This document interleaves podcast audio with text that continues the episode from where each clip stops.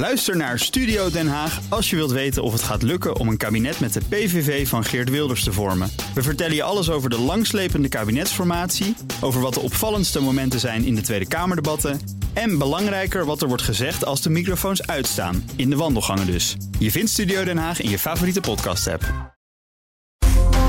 Altijd en overal alle BNR-podcasts. Download de gratis BNR-app. BNR Nieuwsradio. BNR breekt. Ivan Verrips. Goedemorgen en welkom. Vanaf half twaalf praat ik over al het andere nieuws van de dag. Over de mogelijkheid voor huisartsen om digitaal medicatie voor te schrijven. Even webcammen en pillen halen maar, is dat wel verstandig? En Duitsland gaat deels het gebruik van cannabis legaliseren. En ze hebben daarbij het Nederlands model nadrukkelijk niet als voorbeeld gekozen. Mijn twee panelleden vandaag, Kalle Duvekot, voorzitter van de Jonge Democraten... en Werner Schouten, directeur bij de Impact Economy Foundation. Goedemorgen allebei. Goedemorgen. Goedemorgen. Fijn dat jullie er zijn. Voordat we naar ons breekijzer gaan, beginnen we met laatste nieuws in Den Haag. De OVV, de Onderzoeksraad voor Veiligheid, heeft daar zojuist een rapport gepubliceerd over de gezondheid van omwonenden van industriële complexen. Denk aan Tata Steel, denk aan Gemoers in Dordrecht. En je raadt het niet, maar dat kan allemaal een stuk beter. Verslaggever Martijn de Rijk, die is bij de OVV. Goedemorgen, Martijn. Goedemorgen, Iwan. Belangrijkste conclusies, zeg het maar. Nou ja, eh, de belangrijkste conclusie, je hebt de helft al verklapt. Het, het kan beter en het moet beter. Dat is toch eigenlijk wel uh, de belangrijkste zin die ik, uh, die ik heb mogen optekenen vanochtend. Um, wat zij eigenlijk zeggen is dat het systeem wat bestaat, he, de, het systeem van wetten en regelgeving en vergunningen en toezicht en al die mogelijkheden die toeters en bellen die de overheid heeft om het bedrijfsleven een beetje nou ja, bij de les te houden, dat die in principe voldoende zijn. Dat die in principe uh, voldoende aanknopingspunten geven om ervoor te zorgen dat de, ja, de gezondheid van de omwonenden gewaarborgd kan worden. Maar het grootste probleem is uiteindelijk dat het, men gebruikt het niet volledig. Men gebruikt de mogelijkheden niet. Men, en, en, en ook heel belangrijk daarbij. Uh, ze, gebruiken de mogelijkheden niet om, om dingen op te leggen, -hmm. Waar dat wel degelijk kan. En er zijn ook voorbeelden van. Je noemde al eventjes Gemoer in, in Dordrecht. Nou, daar is sprake geweest van een tot 2012 een, een zware belasting van de omgeving met, met PFAS. Dat bedrijf in de tijd, dat was toen nog de Dupont, dat is verkocht, dat is opgedoekt. Die zijn met een heel ander productieproces hetzelfde gaan produceren en hebben een andere chemische stof daarvoor gebruikt. -hmm. Die het, het op dezelfde manier uitpakte. Nou, vervolgens hebben ze gezegd van jullie mogen dit gebruiken, maar jullie moeten veel actiever, veel proactiever vanaf de eerste seconde kijken of die stof, die vervangende stof die jullie nu gaan gebruiken, of die uh, uh, nou ja, wel uh, voldoende de gezondheid van de omgeving waarborgt. Dus ja. dat, onder, dat, dat onderzoek is meteen gestart op dat moment. En ja. dat is waar die onderzoeksraad voor pleit. Ja. Ga nou heel proactief met dit soort dingen aan de slag. En ook aan de samenwerking schort het geloof ik wel... Hè, tussen die bedrijven, tussen overheden, tussen omgevingsdiensten. Is nou te zeggen welke van die partijen het meeste blaam treft... of is het juist de samenwerking? Nee hoor, het is, nee, het, is, het, het, het is het geheel. Men, men heeft een beetje het gevoel dat uh, er uh, normen zijn opgesteld... en als je gewoon kijkt in het, uh, in het grote normenboek... dat is dan eventjes mijn woord dan kun je op, opzoeken hoeveel je mag uitstoten. En uh, dat is dan ook meteen uh, de veilige norm. Hm. Daar gaat men dan ook meteen van uit. En dat is, gewoon, dat is gewoon riskant om dat te doen. Kijk, uh, om te beginnen natuurlijk uh, veranderen dit soort inzichten. Uh, dat, dat voorbeeld van het PFAS wat ik daarnet noemde. Ja, dat, dat, dat, daarvan hebben we heel lang gedacht dat het volkomen onschuldig was. Mm -hmm. ja. Dus je, je, je moet daar meteen mee, actief mee aan de slag. En, en accepteer dat nou niet als een vaststaand feit. En ja, dan kom je natuurlijk meteen bij het, het misschien wel allergrootste probleem. Dat is dat zowel bij bedrijven als bij overheden. Uh, ja, de capaciteit is beperkt, uh, de, de, de, de kennis is beperkt. Dus men houdt zich vast aan zo'n norm bij gebrek aan beter. Ja. En toch zegt die onderzoeksraad. het moet beter, dat, dat uh, omgaan met die norm. Ja, kan je hier nou ook uit concluderen dat het eigenlijk, of, of maak ik het daarmee te groot hoor, dat het misschien simpelweg gewoon onveilig is om bij Tata Steel te wonen? Uh, nou, die vraag die kwam, uh, die kwam ook zojuist uh, in, de, in, de, in de perszaal wel eventjes ter sprake. En ja, dan zegt de, on, de, de onderzoeksraad toch. Nee, zover durven wij en kunnen wij ook niet gaan. Want zij hebben dus niet echt onderzoek gedaan naar welke. Uh, hoeveelheden uh, uh, nou ja, grafietregen een mens kan, kan verdragen zonder daar ziek van te worden. Ze hebben alleen gekeken naar ja, hoe werkt het systeem? En ja, ik kan je één ding, één tip geven, uh, in, in ieder geval, Ivan. Uh, als je in de buurt van, van zware industrie woont en je maakt je zorgen, trek aan de bel. Want dat blijkt toch iedere keer weer dat dat het enige is wat echt de boel in beweging brengt. Dat is dat omwonenden en pers op een gegeven moment vragen beginnen te stellen en hun zorgen beginnen te uiten. En pas dan komt er iets op gang wat een beetje lijkt op wat er, uh, wat er zou moeten gebeuren. Martijn de Rijk, verslaggever bij de OVV, dankjewel. Dat rapport dat is dus zojuist gepubliceerd. Later vandaag hoor je er uiteraard veel meer over op BNR. Ongetwijfeld ook alle reacties en dergelijke aanbevelingen... wat ermee gaat gebeuren. Ik neem aan dat er ook wel een kabinetsreactie komt, al dat soort zaken. Later uh, over dit OVV-rapport. BNR breekt. Breekijzer. En dat breekijzer heeft te maken met Saoedi-Arabië. Minister van Buitenlandse Zaken Wopke Hoekstra is in dat land... om de banden tussen beide landen, Nederland en Saoedi-Arabië... te bestendigen en uit te bouwen, al dus Hoekstra. Op de achtergrond van het bezoek speelt natuurlijk ja, wereldwijde onzekerheid... als het gaat om energie. En volgens Hoekstra liggen er kansen op energiegebied... bijvoorbeeld op het terrein van groene waterstof. Nou kennen we Saudi-Arabië ook als land waar eh, kroonprins Mohammed bin Salman MBS regeert met harde hand. Politieke tegenstanders verdwijnen in de gevangenis. Vrijheid van meningsuiting is uh, maar beperkt. Vrouwen hebben minder rechten dan mannen. En zijn we Jamal Khashoggi al vergeten? Waarom willen we als Nederland eigenlijk zaken doen met een omstreden land als Saudi-Arabië? Ons breekijzer vandaag is... Nederland heeft niets te zoeken in Saudi-Arabië. Ik ben heel benieuwd hoe jij erover denkt. Beter mee eens? En moeten we luisteren naar ons morele kompas... en zakelijke belangen zwaar, niet zwaarder laten wegen? Uh, of beter mee oneens? En moeten we wel zaken doen met een land als Saudi-Arabië? Willen we van de energiecrisis uh, iets kunnen maken en die te lijf kunnen gaan? Uh, 020 468 4 keer 0 als je wil reageren. Nu bellen, breekijzer dus. Nederland heeft niets te zoeken in Saudi-Arabië. Nu bellen kom je zo in de uitzending 020 468 4 keer 0 En je kan ook van je laten horen via onze Instagram-pagina. Daar heten we BNR Nieuwsradio. Zometeen hoor je hoe Kalle en Werner over dit onderwerp denken. Maar ik begin bij Carolien Roelands. Zij is columnist bij NRC. Midden-Oosten-expert, co-auteur van het boek Saoedi-Arabië, een koninkrijk in gevaar. Goedemorgen, mevrouw Roelands. Goedemorgen. Ja, Nederland heeft niets te zoeken in Saoedi-Arabië. Wat vindt u? Nou ja, als je vindt dat Nederland er niks te zoeken heeft, hè, op grond van mensenrechten en dergelijke, dan uh, kan je eigenlijk met uh, de helft van de wereld geen zaken meer doen. Of uh, wat zeg ik, bijna de hele wereld geen zaken meer doen. Mm -hmm. um, want uh, mensenrechten zijn uh, nou ja, in bijna de hele wereld een, een groot probleem. Um, ik zou zeggen, wel zaken doen en, en ook zelfs als toerist naar uh, Saoedi-Arabië gaan, maar geen wapens en geen onderdelen van wapens en, uh, en, en andere uh, leveranties die de mensenrechten verder in gevaar brengen. En dan kan je denken aan de chemicaliën die een Nederlands bedrijf jarenlang aan Saddam Hussein heeft uh, geleverd voor zijn gifgassen. Mm -hmm. Nou is dat natuurlijk wel een heel duidelijk voorbeeld. Um, maar um, ja, nee, het, uh, ik, ik denk dat het te ver gaat om te zeggen van je moet geen zaken doen met Saudi-Arabië. Nee, en, en met als gevolg dat als je dat wel doet, dat je dan dus ook dat regime steunt. Um, nou, in ieder geval, ja, de facto wel, ja. natuurlijk. Want uh, je, steunt, uh, je steunt zijn economie en daarmee het regime. En uh, je steunt zijn economische plannen en daarmee ook het regime. Ja. Maar u dat is waar. U zegt als je daar rechtlijnig in bent, dan kan je bijna nergens meer terecht. Ik praat zo met u verder. Even een kort rondje in mijn panel. Uh, Kalle, wat vind jij ons breekijzer? Nederland heeft niets te zoeken in Saudi-Arabië. Ja, helemaal eens. Het enige wat we er te vinden hebben zijn mensenrechten schendingen en uh, fossiele brandstoffen op dit moment. En ja. uh, beide hebben volgens de jonge democraten gewoon geen plek in de toekomst. Uh, er werd net al genoemd van waterstof. Ja, daar zou je dan op in kunnen zetten om groene energie bij ze vandaan te halen. Mm -hmm.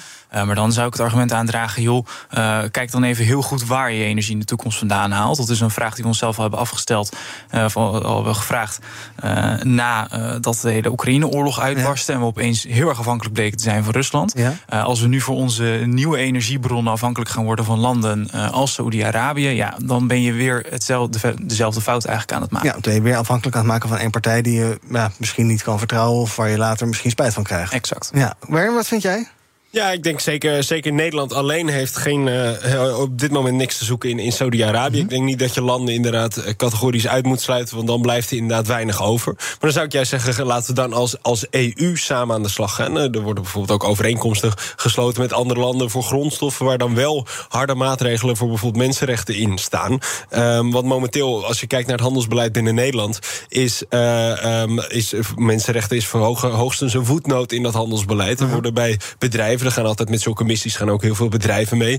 Uh, worden bij zulke bedrijven nou boterzachte mensenrechtenvoorwaarden bijvoorbeeld uh, meegegeven die nauwelijks worden nageleefd. En als ze worden nageleefd, dan zetten ze weinig zoden aan de dijk. Mm -hmm. um, dus op dat vlak zou je eigenlijk veel sterker willen staan en dit niet alleen als Nederland willen doen, uh, maar als Europa. En dan kan je afvragen of je als Nederland zelf dan, zeker nu er geen nou, expliciet strategisch belang is voor een klein land als Nederland, um, of je wel naar Saudi-Arabië moet gaan als nou ja, enige minister. Als wij heel veel groene energie kunnen leveren aan ons. Dat moet jouw hart toch uh, deugd doen. Dat uh, groene energie doet mijn hart zeker deugd. Maar er zijn heel veel aanbieders van, van groene waterstof. We komen net uit een tijd dat we. Van Zij zullen de grootste worden. Ja, precies. Ja. je moet je afvragen hoe goed je dat kan verschepen überhaupt. Maar dat is een meer een technisch iets. Maar we komen net van een gasinfuus van Rusland af. Uh, dus dan moet je voorkomen dat je uh, uh, al te afhankelijk wordt van partijen... waar je mogelijk later op langere termijn mee in de haren mee overhoop ligt. Um, dus ik zou dan goede diversificatie, diversificatie voorstaan. Um, en ik weet niet of Saudi-Arabië dan je eerste go-to-partner is om dat te realiseren. Ja. En mevrouw Groenlands, als ik in de verklaring lees... de, de banden met Saudi-Arabië en uitbouwen vanwege de huidige politieke uitdagingen. Wat staat daar in normaal Nederlands? Uh, daar staat uh, in, in uh, gewoon Nederlands. Wij laten ons graag chanteren door die diverse landen of door de energieleveranciers die we nodig hebben. Of ook, hè, want dat is ook een heel ander punt waarop, waarop we ons graag laten chanteren. de komst van illegale migranten en vluchtelingen. Mm dat uh, we graag uh, wat dat betreft zaken doen met landen rond de Middellandse Zee, als Turkije, Tunesië, Egypte. Um, om, om, uh, waarmee we deals sluiten, Algerije, om Marokko, om migranten en vluchtelingen tegen te houden. Mm. Dus we, gaan, we, laten ons inderdaad graag chanteren ook door energieleveranciers als Saoedi-Arabië. Ja. Maar dat is natuurlijk wel. Uh, het is heel mooi om te zeggen. Uh, we zouden dat eigenlijk zouden druk moeten gaan uitoefenen. Uh, op de mensenrechten. Als we weer teruggaan naar Saudi-Arabië. Mhm. Maar dat moeten we dan samen met de Europese Unie doen. Um, de werkelijkheid die zegt dat de hele Europese Unie zich graag laat chanteren door de energieleveranciers. En eigenlijk, en Amerika precies hetzelfde. Hm. Mensenrechten, ik ga veel verder. Mensenrechten spelen geen enkele. Die, die waren een sta in de weg. Hè, dat was altijd lastig. Maar uh, op dit moment spelen mensenrechten echt helemaal geen rol meer. Nee, dat is gewoon helemaal naar de En daarmee zeg ik dus absoluut niet dat ze geen rol zouden moeten spelen. Want ik vind dat ze wel degelijk een rol zouden moeten spelen. En dat Saudi-Arabië wel degelijk een grote schender is. Maar ik zeg ook dat de werkelijkheid zegt dat, het, uh, dat dit een hele slechte tijd voor mensenrechten is. Ja. En dat er dus heel pragmatisch op wordt gereageerd. Ik denk nog even terug aan 2018. Toen zou Hoekstra, toen was hij nog minister van Financiën. Ja, het kan verkeren. Die zou, eh, als, ja, precies. Ja, die, die, zou naar een conferentie gaan. Hij zou eerst wel, hij zou wel gaan. Ja, en toen was, hadden we het hele verhaal met Jamal Khashoggi. Ja. Uh, toen ging hij toch niet. En nu zijn we een paar jaar later en we zien uh, nou, Biden die fistbump met uh, MBS. Ja, Hoekstra precies. gaat alsnog. Dus dat, dat veet dan langzaam uit. En dan is het blijkbaar opeens toch weer vergeten en vergeven. En dan kunnen we door met elkaar. Nee, alles is vergeten en, en, en vergeven. En, en Nederland en andere landen zeggen dat we doen met stille diplomatie. Nou ja, dat is waar uh, de Saoedi's of heel veel andere landen, hè, laten we wel zijn, uh, zich geen enkele zorgen over maken. Ja. Dat geldt ook voor een land als Egypte, nou Turkije, ik, ik noemde ze net. En dan gaat het niet over de energie, maar over de tegenhouden van migranten en vluchtelingen. Maar precies hetzelfde. Maar is energie dan echt het enige strategische belang dat wordt gediend met dit uh, staatsbezoek? Nou, bezoek. Dit bezoek. Ja. bezoek. Het, uh, nou ja, niet uh, alleen energie, dat speelt een belangrijke rol waarom uh, Hoekstra nu gaat. Maar het gaat over het hele bedrijfsleven, over projecten. het Nederlandse ministerie van Buitenlandse Zaken of Economische Zaken uh, voert, uh, uh, zegt ook tegen bedrijven dat ze goed moeten kijken naar Saudi-Arabië, omdat er enorme bouwprojecten zijn, bijvoorbeeld. Ja, ja. Volle de Money bericht er laatst nog over, over dat Neon bijvoorbeeld. Ja, ja dat nieuwe ja, project. Ja. Ja, Kalle, als ik dan even nog kijk naar de verdere verklaring van Buitenlandse Zaken, dan staat erin dat er ook gesprekken plaatsvinden over mensenrechten en het bevorderen van de internationale rechtsorde. Ben jij dan nou gerust? dat is wat ik, wat ik net zei. Dat is die stille diplomatie. Ja. En daar, de machthebbers in dit soort landen, die halen daar de schouders over op. Want uh, die weten dat het om iets heel anders gaat. Om dat uh, het bedrijfsleven en, en de energie. Ja. En dat uh, iedereen thuis moet zeggen dat hij de mensenrechten wel degelijk aan de orde heeft gesteld. Kalle, stelt jou dat enigszins gerust, dit soort uitspraken, of is dit allemaal voor de bühne? Nee, het stelt me absoluut niet gerust. Eén, om de redenen die net werden genoemd. Twee, omdat we laatst een uh, schrijnend voorbeeld hebben gezien uh, van hoe uh, Nederland daar toch net dan he, voor thuis, de thuisbühne zegt: oh, we hebben het aangekaart hoor, maar eigenlijk helemaal geen deuk in de pak boter heeft geslagen. En dat is onder andere met Connie Helder, die vervolgens naar het WK ging he, voor LHBTI-rechten ging staan. Ja, en die had toch een sjaal ja. met I don't care of zoiets? Precies, en die had geweldig. Nou, haar stevige statement naar Qatar was een mini-spel ook nog verborgen onder een sjaal. Uh, dus tot zover het aankaarten van uh, de mensenrechten. We gaan even naar onze bellers. 020 468 4 0 ons breekijzer. Nederland heeft niets te zoeken in Saudi-Arabië. Ik ben heel benieuwd hoe jij erover denkt. Jan, goedemorgen. Goedemorgen, Ivan. Ik ben het niet eens met de stelling. Uh, kijk, uh, mensenrechten is een probleem wereldwijd, dat sowieso. Maar ik denk dat uh, ja, handel en geld en grondstoffen, het bezit daarvan, of de wijze waarop je eraan kan komen, toch helaas altijd zullen gelden. -hmm. En als wij uh, nou alle landen moeten gaan boycotten of moeten gaan negeren die iets uh, in de weg hebben met uh, mensenrechten, dan zouden we ook onze productie en onze handel met China direct moeten beëindigen. Mm. En we zouden ook geen zaken meer moeten doen met bepaalde staten in Amerika waar de doodstraf nog steeds geldt of homo's in elkaar gemapt -hmm. worden. Dus ik denk dat we niet zo hypocriet moeten zijn. helaas geldt het recht van de sterkste. En dat gebeurt in alle dieren, uh, bij alle diersoorten, dus ook bij ons mensen. Ja, Helaas. Dan zijn zij redelijk sterk. Dan probeer ik nu naar Fred te gaan. Dag Fred. Goedemorgen, zei Iwan, met Fred van der Laar uit Den Bosch. Ik vind dat die minister van Buitenlandse Zaken niks te zoeken heeft in Saoedi-Arabië. Saoedi-Arabië uh, schendt de mensenrechten uh, behoorlijk. En wat daar allemaal gebeurt, en Saoedi-Arabië werkt nauw samen met Iran Mhm. op instigatie van China. En ik vind dat uh, die minister van Buitenlandse Zaken maar naar China moet gaan. Want uh, dat is de fabriekshal van West-Europa. Mhm. Mm -hmm. Als hij iets wil regelen. En wij moeten hier werken aan waterstof, vermindering van stikstof. En we moeten hier gaan werken aan de circulaire economie. Uh, Hoekstra heeft daar helemaal niks te zoeken. Hij moet zich gedragen als een dominee. Dankjewel Fred voor het bellen. Ik doe nog uh, twee, maximaal drie bellers in dit rondje. Even kijken. Uh, Afros, goedemorgen. Goedemorgen. Zeg het maar. Ja, kijk, uh, sowieso ben ik helemaal niet eens. Mm -hmm. Omdat wij doen met meerdere landen zaken, zoals Filipijnen, China, Iran. We gaan bijna elke dag 200 stieren vlees naar China. En dus we kunnen niet uh, hard spelen. Want kijk, Duitsland, België, al die Europese landen doen ook staan. Het gaat om geld. Gaat ja. om geld. Ja, de verbinding is wat slecht, maar je uh, uh, punt is duidelijk. Dank voor het bellen. En tot slot, Zakaria. Goedemorgen, Zakaria. Ja, met Zakaria Kihili. Ja, ik ben het, ik, ik, aan de ene kant ben ik het eens met de stelling hoor. Ik bedoel, we moeten geen zaken doen met Saudi-Arabië. Maar wat ik me afvraag is waarom nou een hele discussie is over zaken doen met, met, met, met Saudi-Arabië. Mm -hmm. Terwijl we wel gewoon zaken doen volop met Israël en zelfs Israël steunen. Ik bedoel, je hebt er ook iemand zitten van de jonge democraten... Mm -hmm. die heel stellig is over zaken doen met, uh, met, uh, met Saudi-Arabië. Maar uh, ja, over Israël hoor je het eigenlijk nooit. Nou, dat ga ik hem zo eens vragen dan. En tot slot van het blokje even Lucas. Goedemorgen, Lucas. Goedemorgen. Hallo, je hebt in Saudi-Arabië gewerkt, geloof ik, hè? Ja, ik heb er een tijdje gezeten om uh, een paar uh, gezondheidsprojecten te doen. En wat ik uh, geleerd heb in mijn werk over de wereld is... Nederland is een spelknopje. Ehm, en eh, we zijn eh, eh, eigenlijk altijd in de discussie tussen koopman en dominee. Mhm. En juist omdat we een speldenknopje hebben en enorm afhankelijk zijn van andere landen, waar we misschien niet altijd, altijd even goede vrienden mee zouden willen zijn, zijn we er toch van afhankelijk.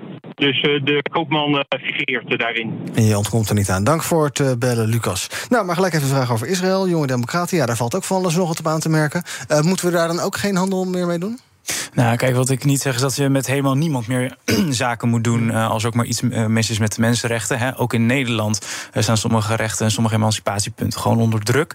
Ehm, maar je kan daar wel bepaalde strategische keuzes in maken. En Mhm. zoals net al werd gezegd, Saoedi-Arabië is daar niet de beste partner Nee, in. en Israël dus? Ehm, en als je gaat kijken naar andere landen, zie je daar inderdaad ook schendingen. En dat moeten we dan ook inderdaad eerlijk aan de kaak stellen. Wat mij part eh, stellen we het zelfs bij de Verenigde Staten aan de kaak. Van hé, hey, hallo, in een aantal van jouw staten, zelfs in het federaal recht. Bijvoorbeeld het abortusrecht, eh, zijn jullie gewoon niet goed bezig. eh, En gaat dat tegen onze waardes in. Eh zeg niet dat we iedereen 100% uit moeten sluiten van handel, eh, maar je mag het wel degelijk aankaarten. Ja. Werner, vorig jaar sloot Duitsland een deal met Qatar. Dat ging dan over LNG. Ehm, eh, een deal voor 15 jaar, geloof ik. Een megadeal. Daar was toen ook van alles nog wat over te doen. Zowel aan de kant van belachelijk als aan de kant van... nou ja, wel lekker praktisch, want Duitsland denkt om het warme huizen. Nou ja, stel dat wij dit- dit soort deals gaan sluiten... als het gaat om groene waterstof, wat helemaal niet zo ver is nog... maar met Saudi-Arabië. Ja, wat heb je dan liever, Qatar of Saudi-Arabië? Ja, ik heb geen van beide eh, heel, je heel moet toch een groot warm huis inderdaad. Nee, klopt, maar dat zijn ook niet de enige twee landen die, die eh, ontwikkelen eh, Mhm. van, van groene waterstof. En ik vind het echt een, een houding van heb ik jou daar, dat je zegt van nou, omdat het zo moeilijk is om die mensenrechten verder te brengen in die landen, laten we dan maar de koopman de, eh, eh, eh, eh, eh, leidend zijn en laten we alle geldsluizen openzetten. Want dat is wat gebeurt ook met deze missie, is dat we gewoon be- eh, eh, bedrijven meenemen, zodat zij daar een deel van die gigastad kunnen gaan bouwen, zodat zij daar extra projecten kunnen gaan draaien. Dat heeft helemaal niks met, met mensenrechten verder brengen te maken. Dan kan je afvragen van waarom moeten wij in Nederland, in, vredesnaam als Nederland, onze bedrijven daar per se aan extra omzet en extra werk helpen? Waarom zouden we dat niet op andere landen kunnen doen? Dus ik denk een diplomatieke relatie en, en zo, zo nodig sommige afhankelijkheid van bepaalde grondstoffen en, en dergelijke. Nou, daar kan je over, over spreken. Maar of je alle geldsluizen open moet gooien. Ik. ik kan die positie echt niet begrijpen. En is ook bijvoorbeeld eh, Rusland is ook jarenlang een prioriteitenland voor het Nederlands buitenlandbeleid geweest. Ja, dat is echt heel moeilijk uit te leggen. Mevrouw Roelands, tot slot. U heeft dat boek geschreven in 2015, Saoedi-Arabië, een koninkrijk in gevaar. Sindsdien, ja. ja, gaat dat nou wat beter met die mensenrechten daar... of is dat nog gewoon een drama nog steeds? Ehm, nou, nee. ehm, de- met de mensenrechten gaat het zeker niet beter. Eh, juist sinds 2015. eh, kijk, eh, Saudi-Arabië was altijd een zeer autoritair bestuurd land. Onder het Saoedische Koningshuis. Ehm, maar onder koning Abdallah ging, het nog wel, zou je kunnen zeggen. En juist onder de nieuwe koning, bij zijn dood, koning Salman... en met name zijn zoon, de huidige kroonprins... is, het, ernstig, is de situatie ernstig verslechterd. En kritiek die... eh, die voordien nog wel mogelijk was, die is nu volstrekt uitgesloten. Ik kan als voorbeeld geven dat onder koning Abdullah heb ik in Saudi-Arabië vrouwenactivisten vrijelijk eh, geïnterviewd. En diezelfde vrouwenactivisten die gingen in, onder de huidige kroonprins meteen de gevangenis in. Ja. Eh, dus eh, er gebeurt wel wat aan sociale, meer sociale vrij- vrijheden voor vrouwen.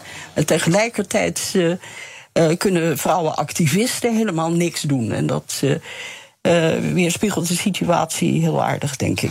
Ons breekijzer. Nederland heeft niets te zoeken in Saudi-Arabië. Op onze Instagram-pagina is 75% het eens. In de uitzending is het iets gemengder. Ik dank Carolien Roelands, columnist bij NRC, Midden-Oosten-expert.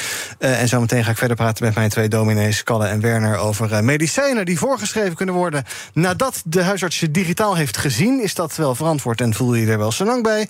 Als je in je blootje voor de webcam zit. En koningin Maxima, ambassadeur van de VN... die mag van het ministerie van Financiën het nou liever... niet meer zo vaak hebben en zo blij hebben over die digitale euro. Is dat nou een eh, dreigement en een dreiging, dat ding... of valt het eigenlijk allemaal reuze mee? Gaan we zo bespreken in het tweede deel van BNR Breek. Tot zo. BNR ben je altijd als eerste op de hoogte van het laatste nieuws. Luister dagelijks live via internet. Bas van Werven. En heel langzaam komt de zon op rond dit tijdstip. Je krijgt inzicht in de dag die komt op BNR, het Binnenhof in Nederland en de rest van de wereld. De Ochtendspits. Voor de beste start van je werkdag. Blijf scherp en mis niets. Blijf scherp. BNR Nieuwsradio. BNR breekt. Ivan Verrips. Welkom terug in mijn panel vandaag. Carle Duvekot, voorzitter van de Jonge Democraten... en Werner Schouten, hij is directeur bij de Impact Economy Foundation. En we gaan praten over het nieuws van de dag. Want wat eigenlijk een tijdelijke coronamaatregel was... door lockdowns en dergelijke, moet nu de standaard gaan worden... Artsen die digitaal medicijnen voorschrijven zonder dat ze hun patiënt ooit hebben gezien. Ja, misschien via een webcam even, maar zelfs dat hoeft niet per se. Normaal gesproken is dat verboden, maar vanwege het uh, succes daarvan tijdens de coronacrisis wil minister Kuipers van Volksgezondheid de wet gaan veranderen. En dus uh, ja, kan je even chatten, maar het kan ook via een audioverbinding, gewoon even skypen of uh, mailen. En dan krijg je een hele doos pillen thuis gestuurd. Is dat nou een goed idee? Dat ga ik bespreken met mijn panelleden.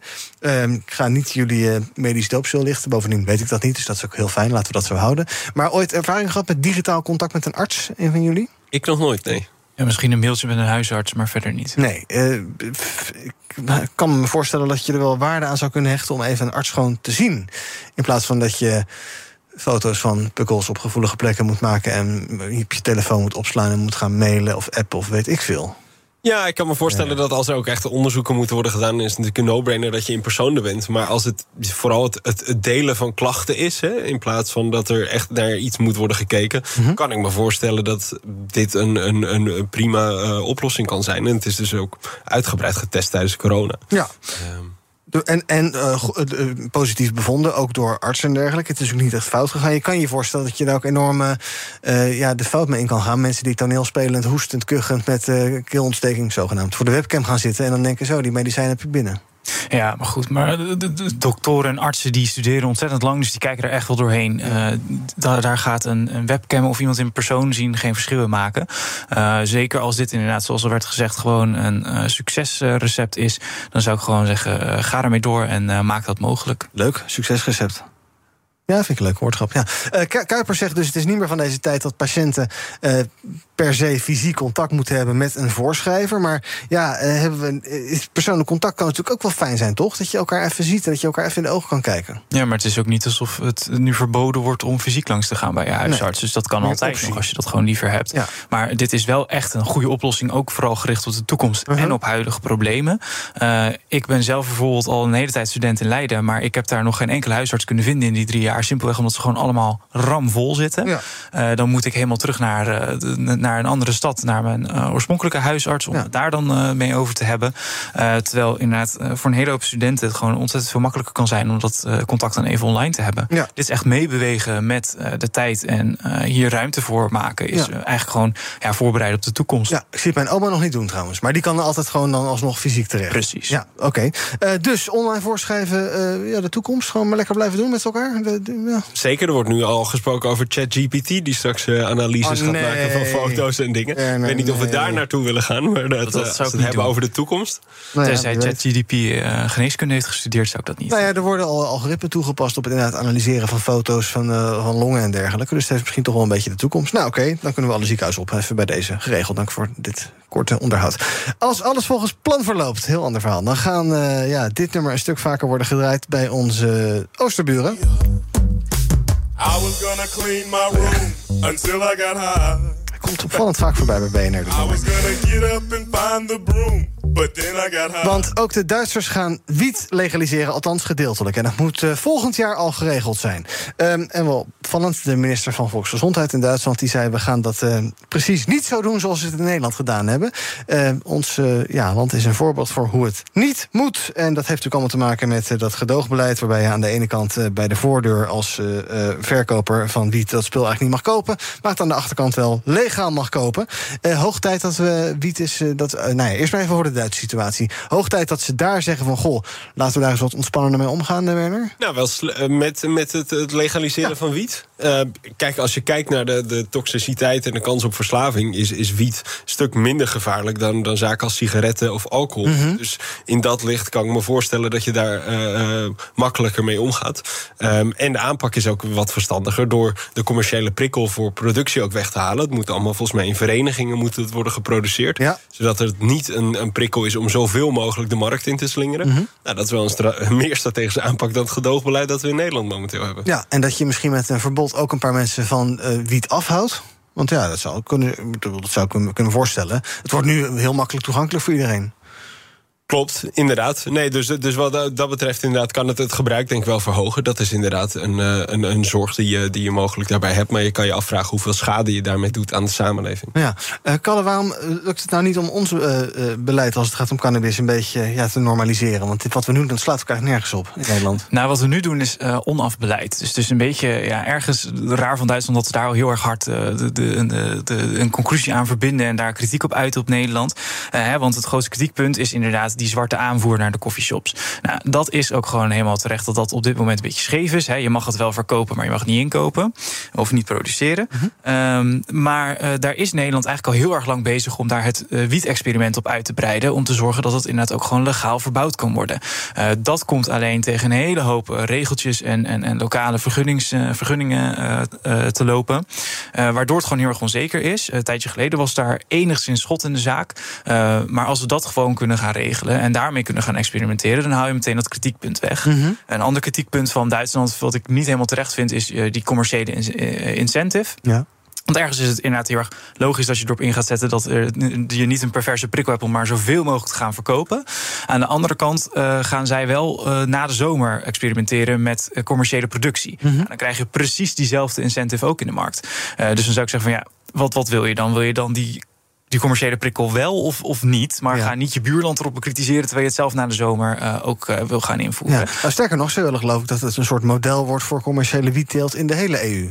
Dus dan ja. kun je overal lekker aan de slag met joints. Nou, als zij een veel efficiënter systeem op weten te zetten... en een veel beter systeem op weten te zetten dan Nederland... dan is dat zeker iets om uh, naar te kijken als, als EU-lidstaten. Ja. Het idee ooit van een verbod op wiet was, uh, nou ja, het doel, hè, mensen van cannabis afhouden. Nou, blijkbaar is dat dus niet gelukt. Dus dan gaan we maar legaliseren. Nou, dan is de vraag, wat kan je hier nou nog meer gaan legaliseren wat we nu verbieden? Ja, uh... ja. Want dan, uh, nou, ecstasy, daar wordt in Nederland ook over gesproken. Van, goh, misschien zou je dat ook wat meer kunnen reguleren. En dan heb je nog uh, cocaïne en wat kunnen we nog meer van aan narigheid gaan legaliseren? Ja, maar daar zit wel een groot verschil in. Kijk, Ja? ecstasy kan je zeker wel gaan legaliseren. Ja. Omdat je daarbij ook ziet dat als het gewoon um, goed gereguleerd is... als het veilig is, als het getest is... Uh, dan heeft het helemaal gewoon door goed gebruik is, door goede voorlichting... Um, er helemaal niet zoveel schade in zit. Cocaïne en heroïne zijn echt van een andere klasse. Dat zijn echt hard drugs. Die zijn ontzettend verslavend, ontzettend schadelijk voor de gezondheid. Uh, dus die moet je ook anders behandelen. Die zou ook niet zo makkelijk legaliseren als wiet of ecstasy. Het is niet dat er in één keer een glijdende schaal of iets dergelijks Nee, ben je niet bang voor? Nee, dat, daar, dat heb je als regelgever zelf in de hand. Ja, nou ja, goed, en, en maar zolang je inderdaad juist onderbouwt op de basis waarop je zaken wel of niet legaliseert. Ja, oké. Um, en, en ik denk uh, met wiet is het om omdat het gewoon weinig verslavend is, omdat het weinig schadelijk is. Er zijn weinig mensen die doodgaan aan een overdosis aan wiet. Mhm. Nou, volgens mij elk weekend mensen wel met, met, met alcohol bijvoorbeeld dat hebben. Ja. Dus uh, op dat vlak is het een stuk minder schadelijk. Uh, um, dan wat je al hebt. Ja, en zouden we dan, uh, uh, als je dat ga, aan die kant gaat verruimen, zou je dan moeten gaan uh, sneller gaan verengen als het gaat om sigaretten en alcohol bijvoorbeeld? Nou, daar zou je naar kunnen kijken, inderdaad. Hè. Dat, hebben we al natuurlijk gedaan met de alcoholleeftijd. Ja. Dat zie je met de niet meer, niet meer verkopen van sigaretten in supermarkten straks. Dus ik denk dat dat een hele logische stap is. Wordt wel een saai land dan toch? Mag je wel blowen, maar niet zuipen. Ik weet niet, het worden hele suffe festivals, denk ik. Ook Bas van Werven vind je in de BNR-app. Ja, je kunt live naar mij en Iwan luisteren tijdens de ochtendspits. Je krijgt een melding van Breaking News. En niet alleen onze podcast Ochtendnieuws, maar alle BNR-podcasts vind je in de app. Download nu de gratis BNR-app en blijf scherp. BNR breekt. Fred even lekker weten. We gaan kijken naar eh, wat mijn panelleden is opgevallen in het nieuws. Werner, uh, je wil het hebben over... Ik denk dat de meeste mensen... Ja, misschien ook wel Rana Plaza. Ja, Rana Plaza. Het is bijna tien jaar geleden. Ja. 2013 stortte uh, Rana Plaza in. Dat was een gigantisch um, ja, kledingfabriek in Bangladesh. Meer dan duizend mensen kwamen om. Um, en er bleek kleding te worden gemaakt van allerhande grote westerse kledingbedrijven. Mm -hmm. En men sprak er schande van. Men moest met actie komen, et cetera. Nou, nu is het over een week volgens mij uh, tien jaar geleden. En dan is natuurlijk de vraag van... wat is er afgelopen tien jaar gebeurd? Ja. En CNV International, de vakbond, heeft een um, verkenning gedaan. En blijkt de, uh, de arbeidsvoorwaarden en de manier waarop wordt geproduceerd zijn niet beter geworden. Hooguit op hetzelfde niveau gebleven. En dat is natuurlijk wel buitengewoon zorgwekkend. Want juist door de komst van fast fashion mm -hmm. uh, moet uh, de tijd van, dat, uh, van ontwerp totdat het in de rekken hangt ontzettend naar beneden. Waardoor er ontzettend veel verschillende productielocaties moeten zijn. Waarbij mensen worden uitgeperst om ja. ervoor te zorgen dat ze moeten overwerken om überhaupt een leefbaar loon te kunnen krijgen. Het is natuurlijk ongelooflijk dat we na tien jaar nog steeds geen veilige, fatsoenlijke werkomgeving weten te realiseren voor deze mensen. Terwijl ja. wij, we hebben het zojuist ook nog gehad over de mensenrechten in, uh, um, in Europa en uh, dat we dat ook in ons handel moeten meenemen. Het is een schande dat we dat nog steeds niet na al die jaren in onze handelsketens niet weten te realiseren. Ja, het is dus eigenlijk hetzelfde verhaal. Hè? We zeggen eerst all bal wat erg, sweatshops en zo, dat dat bestond, dat wisten we allemaal. Ja, we wisten misschien wel, maar toen werd het even zichtbaar en dan vergeten we het en dan gaan we blijkbaar op dezelfde voet door. Ja, kijk, ja. wat je zou willen is dat je een prijs zet op uh, de sociale kosten die we maken als we onderbetaling doen. En ook de natuurkosten die we maken. Ja. Dus dat je two prices uh, installeert. En daarnaast ook dat je regelgeving vormgeeft die het verbiedt om mensenrechten schendingen in je keten te hebben. Mm -hmm. Volgens mij Duitsland heeft dat al uh, op sommige sectoren. Dat leidt ertoe dat je zo'n 3% van je omzet als boete kan krijgen, bijvoorbeeld. Ja. Dat zijn stappen die eigenlijk EU-breed zou willen zien ja. om dit te adresseren. Want in Nederland hebben we met convenanten gewerkt die van vrijwilligheid en vrijblijvendheid aan elkaar hangen. En dat is uh, ja, doodzonde dat we tien jaar hebben verloren. Ja, ja, daarover. Want er is wel een heel concrete regelgeving die klaar ligt, maar die vervolgens weer is ingetrokken door de bewindspersonen. IMVO, denk ik zo maar. Exact, ja. ja. Nee, en um, ja, waarom gaat Den Haag daar gewoon niet mee aan de slag? Want uh, zoals ik jou zo hoor, is dat gewoon de oplossing hierop, het antwoord hierop, om van onze ondernemers en het eisen dat ze kijken naar de maatschappelijke impact die ze maken en inderdaad naar hun hele keten kijken. En niet alleen wat er hier binnen de grenzen gebeurt. Hm. En daar is ontzettend veel kritiek op geweest en daar kunnen we helemaal op ingaan. Maar als je gewoon dit probleem ziet en inderdaad ziet dat er regelgeving voor nodig is, dan is het gewoon bijna belachelijk dat we een wet die daarop was ontworpen weer hebben ingetrokken en niet eens aan de Kamer laten. Ja, maar Werner, we willen allemaal blijkbaar kleertjes kopen voor uh, 12, 13 euro bij Primark en Zara. Zit daar het probleem niet? Nou, er zijn ook heel veel leuke vintage, vintage kledingwinkels die uh, uh, hele betaalbare kleding opleveren. We hebben, in, uh, we hebben ook gewoon parels vanuit Nederland. Nieuw Optimist, dat is een kledingmerk dat in Amsterdam zijn eigen kleding maakt. Dat is niet zo goedkoop, nee. maar dat zorgt wel Kost gewoon dat? voor hele kwalitatief goede kleding. Ik zou niet eens weten. Ga nu kijken, ja. Um, um, maar dat maakt ook dat. dus het gaat er ook om dat we minder snel ook met onze kleding moeten doen. Minder snel die, die, die soort van mode, um, die trends. Want ik bedoel, het is tien jaar geleden dat we het normaal vonden dat we met twee, drie, vier collecties per jaar deden. Ja. En nu komen de fast fashion clubs met 16 collecties per jaar. Ik bedoel, we hebben het ook prima hm. met twee of drie per jaar gekund. Overhemd 130 euro. Nou, dat op zich bij voor een, voor een normaal merk kan je dat ook wel kwijt zijn. Dus zo gek is dat ook weer niet. Uh, Kalle, ik wil het over heel ander nieuws hebben met jou. Althans, jij wil het hebben over uh, COC, uh, Eindhoven, die opstaat tegen homohaat. We hebben de afgelopen tijd wat, ja, ik was geneigd om te zeggen incidenten gezien, maar misschien zijn het geen incidenten. Ik weet het niet. Het is weer veel in het nieuws, uh, uh, homo-gerelateerde incidenten. Ja, en het is, uh, het is inderdaad helaas geen incident. Het is echt een, gewoon een gedragspatroon. En dat zie je gewoon heel veel fout gaan in Nederland. En daar moeten we nu echt iets mee. Ja. Um, niet alleen in de voetbalwereld, want daar gaat dit voorbeeld over. Hè, over wat er in Eindhoven is gebeurd. Met dat daar mensen geïntimideerd zijn bij een COC-gebouw. Zelfs iemand gewoon is aangevallen, een vlag van de muur getrokken, et cetera. maar je had ook laatst in Spakenburg had je hele homofobe spreekkoren in voetbalstadions. Ja, daar moet je gewoon echt iets mee. Dat moet je gewoon in kiem smoren, omdat je dit niet kan laten normaliseren. En wat ik echt echt heel uh, heftig vind, is dat het ook laatst was dat bij Krediet en Sophie. Uh, dat het LAX, uh, het Landelijk Actiecomité Scholieren, had gewoon een paar suggesties gedaan aan onderwijsinstellingen. hoe zij inclusiever konden zijn en mensen ja. een veiliger leeromgeving konden geven. En daar hebben ze gewoon allemaal haatmails en dreigen, bedreigingen, doodsbedreigingen over gekregen. Ja. dan denk ik, ja, dat zijn gewoon scholieren die je aan het bedreigen bent. Alleen maar omdat zij een veiligere leeromgeving willen. En wat toont dat aan dat dat zoveel woede opwekt? En het toont aan dat we een ontzettend gepolariseerd debat hebben over iets wat helemaal niet gepolariseerd uh, zou moeten zijn, namelijk gewoon jezelf kunnen zijn. Uh, er werd daar niet opgeroepen om dat iets moest of dat iets niet meer mocht. Nee, er werden suggesties gedaan om met elkaar het gesprek aan te gaan. En als je daar al op reageert met uh, ontzettende homofobie, met haat, hm. met bedreigingen, ja, dan ben je toch wel echt van het padje. Ja, je zou het misschien niet meer verwachten in 2023, maar het gebeurt wel. Waar we zitten een begin om hier iets aan te doen, wat jou betreft? Want ik zag ook oproepen hangen overmorgen een regenboogvlag op. Dat is een mooi symbool, maar het helpt ook niks.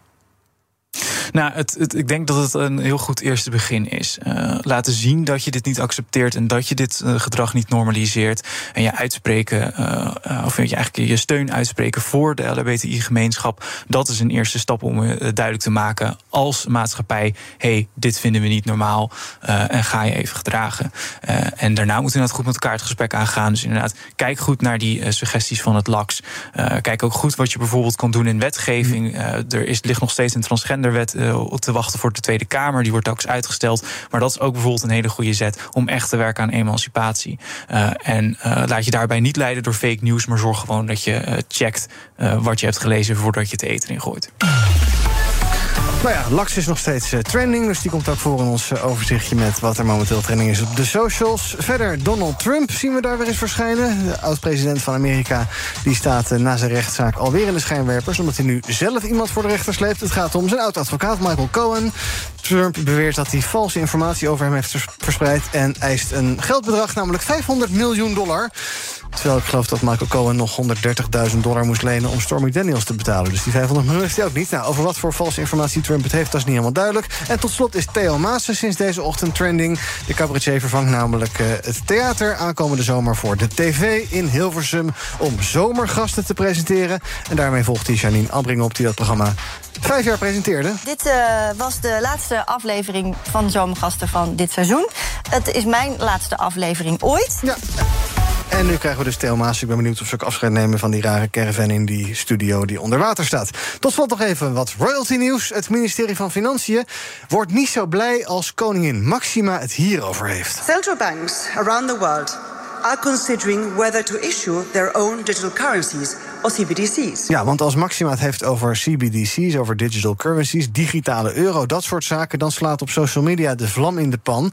Uh, Maxima is, zoals we weten, bij de VN heeft zijn uh, taak om uh, inclusieve financiering aan te jagen, microkredieten, dat soort zaken. En het ministerie heeft nu gevraagd, naar verluid volgens het Algemeen Dagblad, of zij nou een beetje wil dimmen als het gaat over dit onderwerp. er zijn mensen die maken zich zorgen om, om die digitale munten, die maken zich zorgen om bijvoorbeeld hun privacy. je hebt ook mensen die wappie gaan en zeggen: dit is een eh, manier van de wereldoverheid om ons over te nemen en te controleren. Um, digitale euro, ja, ik weet niet, zit jij erop te wachten, Kalle?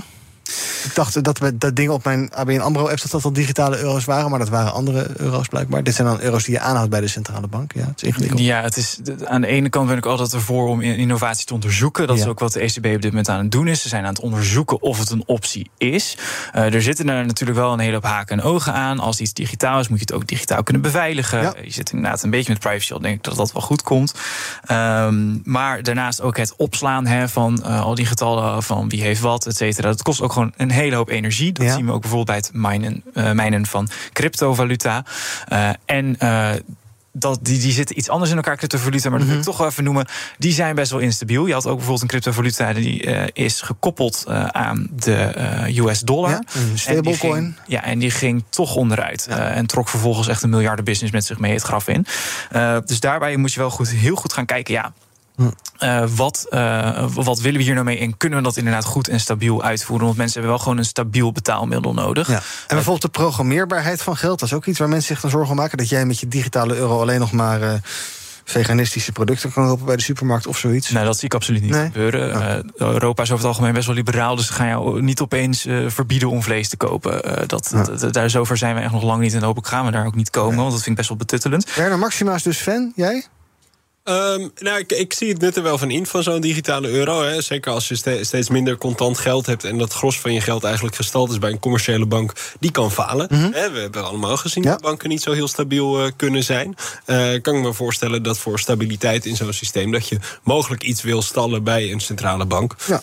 Um, ja, en, en de zorg inderdaad van dat je alleen dan vegan, veganistische producten kunt kopen. Ik bedoel, de ECB geeft nu al heel veel geld uit aan banken. Daar geven ze ook niet uh, zoveel strakke richtingen nee. uit, bijvoorbeeld.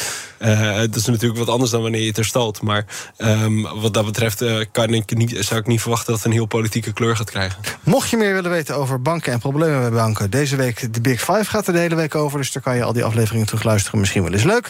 en we gaan zien of Maxima zich aan deze oproep houdt. Want deze week heeft ze toespraken, onder bij het IMF en de Wereldbank in Washington. Dank voor jullie aanwezigheid vandaag bij BNR Breekt. Weer Kalle Duvekot en Werner Schouten. Morgen dan is er weer BNR Breekt Politiek. Het is een kort weekje, dus dat is morgen al. En tot die tijd volg je ons via de socials. Instagram, YouTube, Twitter, LinkedIn. Wij zitten nog wel op TikTok. Vraagstuk hoe lang nog, maar volgens nog wel. Zometeen Thomas van Zel met Zaken doen.